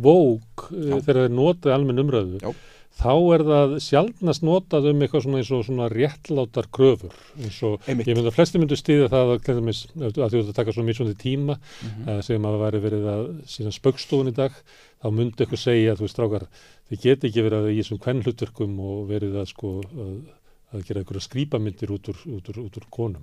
Aha. Þannig að flesti myndu taka undir það. Þannig að Aha. svona, svona eðlilega gröfur, Me Too og fleira svona eðlilega gröfur. Okay. En þegar fólk er byrjað að tala um svona vók, Mm -hmm. að þá er það oft notað í svona saminginu að, að fólk sé að móðgast fyrir annara manna hönd, Já, að fólk komi á Já. okkur leiksýningar Já, með allar klær úti til þess að finna eitthvað sem er að. Þetta er dæmi um hugtak sem að, uh, þetta, er, þetta, er, er gammalt sko, þetta, er, þetta er amirist hugtak, þetta er alveg frá 1930, þetta er gegnum alla sko, þetta er hérna bara uh, í raun og veru lýsingarorð sem verður til af, af, af orðinu uh, hérna woken eða, eða bara vaknaður, Mm. vakning í raun og veru, að vera vakandi. Velvakandi, stay woke. Að vera er- er velvakandi. sé- Já, velvakandi og við höfum þetta sem hefur reyndar verið hérna á Íslandi Já, já við, höfum, við höfum þetta vakningi, vaknið Varð, er- varðhundur óbreytra, hérna, óbreytt samfélags. það er sem að, hérna, já, já, akkurat hérna, og, og það, er, það er áhugavert að sjá hvernig þetta snýst sko. það, þetta gerist bara svona í kringum 2019 eitthvað svo leis segir hérna, segja þeir sem hafa ranskað þetta. Að þá, þá tekur raun og veru hægrið, við skulum segja íhaldsamari, öfl, svona nationalist uh, hérna, og það sem við kallast stundum öfgahærið snúa orðinu við og gera það að í raun og veru e, svona niðrandi uh, hugtaki um þessa sömu bylgju. Og það í raun og veru verður sko tungutakið og umræðun um það mjög militant, það er að segja mjög, mjög svona herská. Mm. hún, hún, hún þetta verður tala um hérna Viktor Orban hérna í, í hérna í Ungverjalandi talar um sko, hann talar um að Uh, stríðið gegn vókismannum hald, því verði haldið áfram. Og þetta verður svona slagorði sko hærisins. Mm. Og sérstaklega svona kannski sko hérna við skulum segja svona já við getum kallað öfgahægri mm. hérna, sem Davíð hefur notað þetta á, á, á Íslandi og, uh, og þetta verður svona hérna já til þess að efla í raun og veru það, þetta verður svona uh, herkvaðning Mm. uh, að, benda á, á þennan uh, þessa umræðu. Og mér fannst rétt að taka þessu utan um það líka. Hvernig, hvernig í raun og veru líka umræðan að því að hún einkennist umræðan í dag um þessi mál einkennist líka af þessu. Það eru mjög svona uh, já, skautaðar fylkingar skulum við segja. Er, og, og, og herskáar sko á, á, á öllum endum þessara umræðu. Mm. Þannig að þeir sem að nota þetta orð uh, eru eiginlega að halda því fram að, að þessar kröfur séu eiginlega mein í samfélaginu en ekki það sem að kröfuna beinast það. A- Akkurat, akkurat, og er raun og verið þá bara, við getum einfald að þetta er, þetta er raun og verið bara svona íhaldsemi um, um, um félagsleg viðmið og, og, og þú vilt ekki breyta þeim, en þegar þú líka nota þetta sem svona uh, tæki til þess að normalisera hæri, sko og ég ætla aftur að nota auka ekki Mm. þar að segja að þú, þú vilt færa í raun og veru sko, umræðina til hérna lengra játt að, að svona, já, óta við útlendinga til dæmis eða innflytjendur eða aukin réttindi samkynneira eða, eða einhver sem að er öðruvísi heldur en það sem þú skilgreinir sem, sem norm eða, eða gamla, gamla Ísland Mm. skulum við segja. Þú vísaði í bandaríkina og þar er þetta náttúrulega gríðarlega fyrirferðarmikið. Það er stór hluti að bara bandaríkur stjórnmálum er eiginlega menningastrýð. Einmitt. Uh, það sem að skipti því svona fylkingar. Algjörlega. Svona Viktor Orban, hérna, hann mætir á fundi hjá uh, hægrinu í, í bandaríkjunum og heldur fundi og þeir eru dástaðanum. Einmitt. og það hefur náttúrulega Trump og fleiri hvernig hann talar um, um menningarstríðið. Akkurat. En hér heima stundum virkar þetta á mig að menn séu að flytja inn umræðu. Já. Eila báðu megin fylkingar. Algjörlega. Algjörlega. Það, og það er líka áhugavert að sjá Já. hvernig það gerist, hvernig, hvernig orðræðan er, er svona fluttin og hvernig við er, höfum, verðum í raun og veru fyrir áhrifum af umræðu sem að á sér stað annar staðar. Mm. Tökum eftir svo, svona, hérna beinum þess aðeins að, að þessum tveimur dæmu sem ég var að skoða, að, að það tekum að líka eftir að, að þeir sem taka þátt í umræðinni eru oft með annan bakgrunn heldur en sko bara íslenskan eru kannski hérna innflytjendur eða, eða minnstakostu kunna betur við að, að, að tjá sig á ensku Já. og, og, hérna, og sjá kannski sko, og þannig, þannig er svona gestsaugað notað til þess líka að benda á eitthvað sem að kannski þótti við hæfi áður en, en, en, en fer uh, í sko, eða gengur fram af, af, af þessu fólki. Það var sérstaklega ábyrjandi með Madame Butterfly. Akkurat, Og þá voru náttúrulega lang flesti sem tóku þátt í þeirra umræðu þeim megin voru fólk af asískum uppruna. A- algjörlega eða minnstu kosti þeir sem að stigu svona inn í, inn í umræðinu og, og, og, og já, algjörlega þannig að, þannig að í raun og veru er, er, segir þetta líka dálítið um breytingu á íslensku samfélagi þar að segja hvernig það er samsett og, og uh, þetta er líka mjög aldurstengt þetta er, þetta er satt svona hérna generational eða, eða hérna e, e, kynnslóða Já. tengt og, og, og yngra fólk hefur mikið meiri eh, áhuga á svona progressífum eða, eða framsæknum viðhorfum í, í þessu. Það, það er bara augljóst. Sko. Þannig verðist vera sko eldra, eldra fólkið e, svona frekar hrættara við, við þessa umræðu og, og meðan að, að hérna, hen- hún er eðlilegri fyrir, fyrir yngra fólk. Mm. Eldra fólki upplifið að það sé verið að breyta þerra heimi. Já, og, þe og þess að sjáum við sko, þess að við átökum líka um tungumálið okkar sko, breytingar á því kynjuðum, á hugtökum og þess áttar. Mm. þetta er líka kynjað eins og hún hefur bent á hérna við voru með hérna umræðum um, um daginn að um, konur virðast eiga auðveldara með að, að, að, að hérna svona taka við uh, svona framsæknum viðhörum Mm. Þannig þetta eru vandamálið eru gamlir kvítikallar. svo er það náttúrulega svolítið erfið þessi stimpla sko, þessir hérna því að, því að þá er raun og veru þarft að sko setja því einhvern sko það er búið að setja því í kassa og þú getur raun og veru ekkert talað um það nema bara í einhverju svona vernduð umhverfið þar sem að bara hvítir gamli kallar sitja og, og spjalla eins og hér Já. Já, en herðu, en að, að þetta, við vorum að tala um þessi innflutt umræða. Já. Og þá, hérna, stundum þegar það gerist, að þá kemur umræða inn í nýja heiminn sem er þá hjá okkur Mhm. og þá er eiginlega svona eins og sé ekki svona, það er svo misjaft hversu fólk er tilbúð undir hana Mhm. og það verður bara eiginlega svona eins og sjálfsagt vandamál þegar þú tekur sko ný hugtök og eitthvað fleira Mhm. og eiginlega bara fyrir séð að það bara, þetta er óvanal umræða Mhm. og hún bara rekst í eitthvað. Mhm. er, er það málið eða e, hérna, er þetta frekar þannig að bara, við erum bara ekki komið lengra? Þetta er svona hægt og bítandi að breytast hérna að þessi, þessi hugmyndum þetta sé innflutt sko. Ég ætla að halda því fram að öll umræða sé innflutt Já, á Íslandi. Já. og, og, og ég, nú sitt ég hér í, í, í hérna hofi sósjalista og, og, það þarf ekki að tala mikið um það að, sósjalism er að þetta innfluttur, kristnin er innflutt og, Já. og bara íhaldssemin og, og allt saman, öll, öll okkar svona bæði afturhalds og framfara mál eru, eru innflutt Já, umræða. en það sem að gerist við innflutningu á hérna hugmyndum, Mm. bæði á milli landa og milli tímabila. Mhm. Við getum sagt þess að þú ert hér í, í hofi sósialismans, en það er sósialismi sem er endurfættur inn í okkar tíma og inn í okkar sko, veruleika.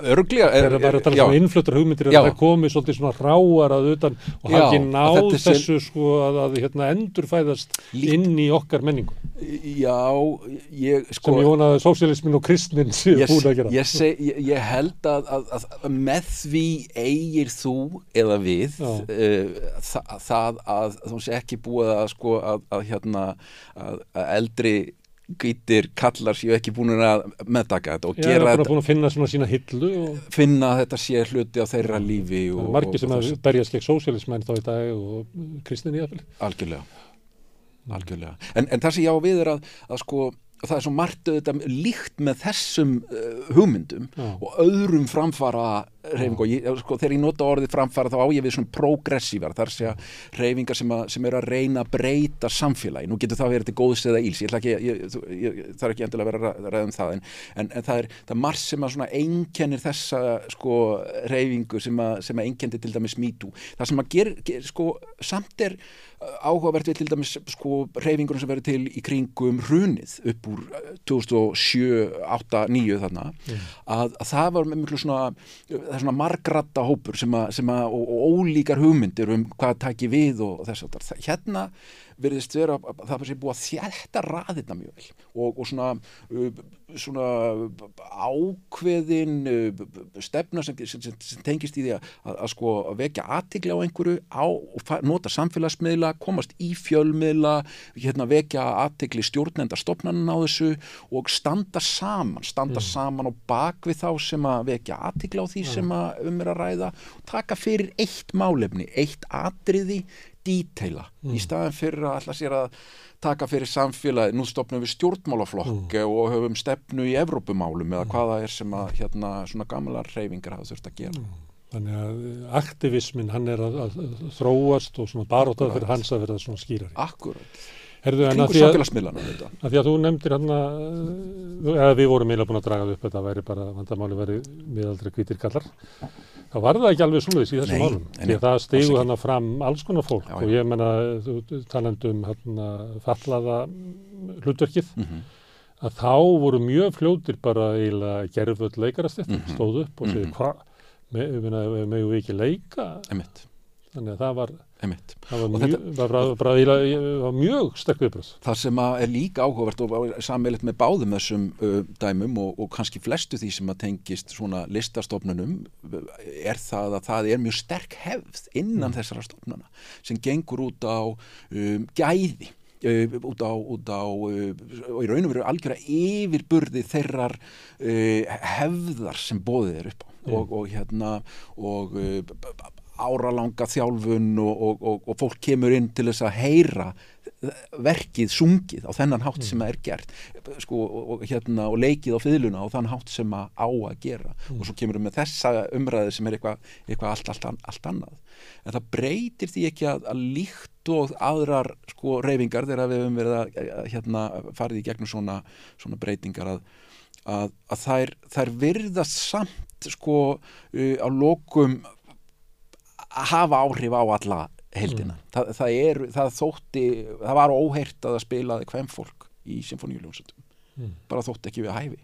Og, og með sömu rökum og, og við erum að kannski að verja sko stofnannar í dag þar að segja að þetta er hérna leið okkar að hæstu gæðum, listrænum gæðum, Mm. kjarnaverksins og því sem tónskáldið hafði í huga og allt það. En svo sjáum við eftir, eftir breytingarnar að, að, að það hefur sannlega ekkert glatast og við höfum kannski mjagast nær. Það var nú leið, að- leið hvenna að fá að spila í sínféljóset var það að það var uh, hérna, testið var þannig að það sáist ekki baku vegg Bak við, bak, Þannig bak að það var til þess að sko gæði hvennana næði í gegn sko, Einmitt. ekki til þess að sko að það veri eitthvað kynni að jafnrétti í Einmitt.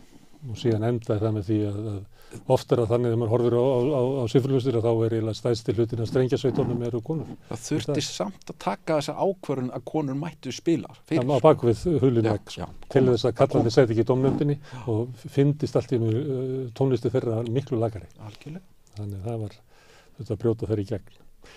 En, já, en- það sem já. gerist hérna í þessari umræðu og, og, og þetta er alveg rétt það sem hún bendir á að það eru, sko, það eru mjög ólíkar hérna rattir, það er, það er hérna sem sagt, og, og fólk sem tengist þessum málum og umræðum á, á mjög ólíkan hátt. Uh, sjáum til dæmis í, í, í uh, tilfelli svo á, á, á hérna á, á, á himni. Uh, hérna, sem á himni. Já, hérna, uh, það er leikstjórin b- bara tengist sko fölluðum einstakling fjölskylduböndum og, og, og getur sett sér mjög vel inn í umræðuna og, og útskýrt hvað var á bakvið og, og ger og þetta gerir þetta mjög svona núanserað og áhugaverða uh, hérna uh, umræðu líka það sem að kemur fram um að auðvita á fólk að geta leikið uh, hitt á þetta sagt, Mm. þó að, og, og svo kom svo, svo mjög mikið af svona, svona slipper í slóp eða svona, svona, svona hálbrekka hérna, svona rauksendafæslu þar að segja hvað, ef þetta má ekki má þá ekki hvítur maður spila blues, það var alltaf hérna næsta á, hérna, og banna bubba að spila blueslög A- Akkurat og, og hérna en, en, en sko þá koma líka fram þessi núansar, ég meina, ertu að gera þetta til þess að hæða stað einhverjum?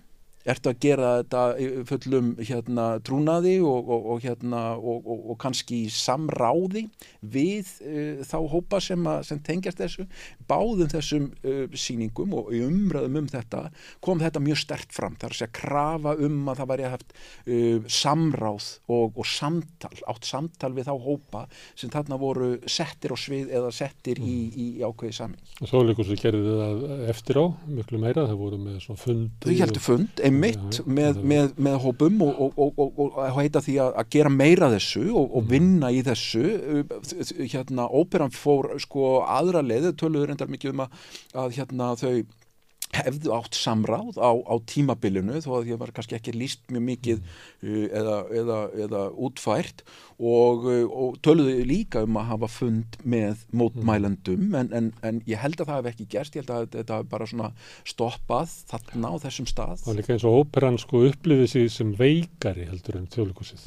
Fannst þetta að vera erfið árás, eða svona árás á sig, kannski bara vegna þess að, að hérna, þau voru með alla peningana sína í, í sviðsmyndinni og Já, eins og þú ert að segja, þeir eru eiginlega endur setja upp gamla sýningar, þeir eru bara uh, einhver leiti brást hún við eins og sá sem er í veikri stöðu bara setti svolítið upp upp Já. svona gattana Já, já, sem fyrstu viðbröð já, já, já, já. Það, er, það, er, það er erfitt að, að lesa samt í sko, en þegar maður, þegar maður er komið aðeins fjallana á þetta og, og hérna skoða þetta núna nokkrum mánuðum eða hálfu ári setna eða hvað það er að, þá sér maður að orðræðina er mjög lík samt á milli, sko, stjórn, ef maður bara tekur sko stjórnendur, mm. óperustjóra þjóðlikustjóra og mjög svipuð uh, orðnótuð og það sett í svipa samengi mm. það talaðu um mikilvægi þess að tala saman mm. og svona finna nýjar fleti að þessi umræða séu upplýsandi jafnvel. Það breytið einhverju ekki fyrir síninguna sjálfa nei, nei, ekki, fyrir, ekki, ekki fyrir síninguna en það eru mismunandi leiðir og það eru, það eru sko, við getum sagt að þetta sé svona, svona megin strömsleiðin, það er að segja að stjórnendur koma fram, þeir taka við eh, hérna, umræðinni, þeir eru hérna segjast vera að minnstakosti að hlusta og, og hérna útskýra þeir viti ímislegt um þessi mál og, og hvernig þeir munu taka þetta til framtíðar. Svo erum við með sko, skóla það sem, sem gengur út á að, að, að samtalið sé líkilinn og það er kannski það sem að gerist þarna hjá þjóðleikursinu halda málþing. Nú komum við saman tölum saman, finnum sameila niðurstöðu. Þetta er svona, svona diskur, svona, svona eins og, og Habermas myndi setja þetta upp í eitthvað svona hérna, samtalsleið. Svo erum við með svona hugmyndir um, um að, að átökin í sjálfum sé sé í raun og veru það sem að, það sem að bara það mesta sem við getum fengið út úr þessu. Við erum að fara í gegnum þetta til þess að komast inn á nýjan flött. Að rattir þeirra sem ekki hafa heist í áður, rattir rattir fallara eða rattir innflytjanda, jaðar settra hópa, fái hljómgrunn og, og komi fram í gegnum svona umræðu. Og það sjáum við mjög stert í, eða ég sé þarna í þessari umræðu mjög svona, sko, svona sterkabæði kröfu um það en líka ánægu að, að þessar, að bara það hugtök séu notuð eins og uh, grippveis eða, eða bakinn aðtikli á þessu. Jafnvel þó að það ekki sé verið að gera kröfum um að, að leikaravalinu verður breytt heldur, heldur bara svona að, að rattirnar heyrist. Og svo getur, svo, það sem að svona drómi aðeins inn í þetta var að ég var, ég var að skoða svona gamlar hugmyndir úr, úr hérna amerískum pragmatisma um, um svona samtal sem að leiðir að sér einhvern alveg nýjan heim. Það er, segja, það, það er ekki samkómulag mm. heldur það er, einhver, það er, einhver, það skapaður einhver nýr veruleiki. Segja, uh, og þetta er þetta þekktur leikúsuna það, það er að segja sko þú, þú kemur með fólkið saman, þú ert ekki með handritið, þú ert ekki með skýrt bóðvald og ofan, heldur færið aðlana inn, það er ekki búið að segja hvað og koma nákvæmlega út úr þessu, heldur finna þeir saman einhverja niðurstu og það, hún má ekki hafa verið gefin fyrirfram. Mm heldur þarf hann að skapast í, í samtali og þetta er, þetta er erfitt í til dæmis jóperunni mm. en, en kannski leiðir sem að, sem að fólk hérna mun prófa frekar í, í framhaldinu. Mm. Þú ert í menningarstofnun og þú ert þá líklega hlindu því að, að menningarstofnanir taki þetta mjög alvarlega. Já, þetta er bæði áskorun og tækifæri. Aftur sjá því að, að tími breytist mjög rætt. Sá sem er kjur, hann verður fljótt gammal Eh, einmitt. Eða úröldist já, og við erum komið kannski með gagstætti erindi í samfélaginu heldur hann taldi sig hafa bara fyrir skömmu síðan. Einmitt. Og er svo erfitt að vera allt í hennu komin hínum með við í gerðinguna sko. þar sem þú taldir þið vera taldir þið vera með fólki sko. já, fremstur með hérna í barátunni og er allt í hennu sagaður um að vera að vinna gegn. Einmitt. Og þetta er kannski áviðum fólk líka almennt að það verður oft kumsa þegar það er sagað um að, að vera að standa í vegi Akkurat, ja. akkurat Kallmenn sem hafa kallað sér feminista í mörg ár og ja. átta sér síðan allt í einu á því að þeir eru ekki taldir það lengur ja. Svo ég vitni aftur í, í, í Dylan að þá hérna, setna í sama kvæði að þá er hérna, ekki standa í dyrragettinni ferðu þið bara frá Einmitt. Mm. Einmitt Þú ert ekki að hjálpa Akkurat mm. Og það er kannski ástæðan fyrir því að þessi umræða verður oft svolítið heit á samfélagsmiðlum að þá eru menn oft sem að telja sig vera framalega og eiga mjög erfitt með að setja sig við að, að upplifa sig í hópnum sem að er sakar um að vera bara einfallega fyrir. Þetta tengist sko sjálfsmynd og sjálfsmyndar pólitík sem er svo erfið í, eða sem sagt er mm. svo mikil áskorun í dag mm.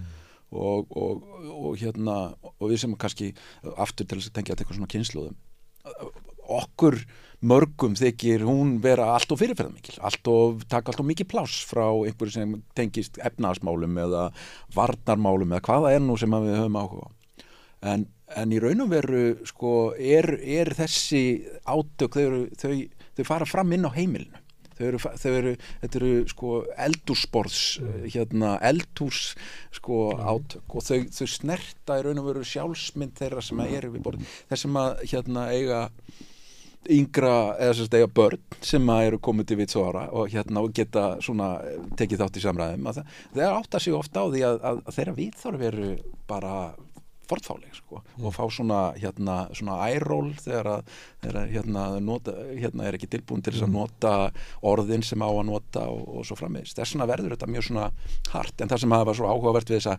umræður var að að mér stutt í svona yfirlæti líka af hálfu þeirra sem að tengja eða sko kalla sig mentaða og, og, og þess aftar og, og hérna eh, og, svona fólk er sett niður fyrir að vera ekki já, tala ekki íslensku eða fyrir að vera með eitthvað tegundamendun eða vera úr háskólanum eða vera ekki úr háskólanum og það verður svona hólfa skipting sko og svona, og það, jafnvel fólk vænt, um elitisma eitthvað slíkt sko. Þannig að líka oft sem að fólk er sakað um að vera eiginlega að grafa undan einhverjum svona kjarna og menningar okkar. Það ætla að raska einhverju hérna, þess, þessi viðhorf, eins og þú nefndir að sambandi við gæði og annars Akkúrat. slíkt, að þessi viðhorf gætu bara eðilagt menningararfin okkar. Akkurat, akkurat. Og það kemur þessi krafa líka um að, að kasta ekki badninu út með baðvatninu, sko. Að, að hérna við sem ekki með menningabildingu á, á, á kýmveskan skala sem að, að reynsa út og það er mjög stutt í sko líkingarnar og, og hérna og dramatíkinar. eins og oft er þegar það er verið að deila og það er líka skautun að þá leika með sér náttúrulega því að það er eitthvað svona, þetta, er vók hérna, Mhm. og þeir sem eru að styðja það að taka svona augljósasta dæmið um sigur og, og mikilvægi þess Mhm. að meðan heinir andmænendur reyna að búa til eitthvað svona ykt dæmi um hvert þetta kynna leiða í framtíðinu Akkurat. og menn uh, deila hart en eru raunverulega ekki að tala um sama málið Nei, nei, nei, akkurat. Ekki svona- akkurat, akkurat. skautun verður oft þannig Já, verður mikið hláaði já, já. En hún, hún er raunveruleg, sko. Þetta er ekki bara orð eða Þetta er um raunverulega átök í samfélaginu og bara, sko, sjálfsmynd. Hver, hver, hver við erum. já, hvenna baráttan er ekki síst háð við eldursborðið Akkurat, eða eldursvaskin Bak við eldavelina. bakvið. Herðu, Njörður, takk fyrir að koma hengað og tala um mók og við látum þetta verða það síðasta í rauðaborðinu í kvöld. Við rauðaborðið verður aftur hér á morgun klukkan átta en hér framundan er dasgrá á samstöðinni, það er bæði miðnætti í kænugarði sem er umfjöldun okkar um úkrænustriðið og svo fótboltasögu fyrir svefnin sem að er skemmtilegar sögur sem að Stefán Pálsson segir Óla Bjarnar Hákonarsinni og okkur líka um pólitík og fótbolta og alls konar skemmtilegt. Ég heldur alltaf að tala um FIFA í kvöld en takk fyrir í kvöld.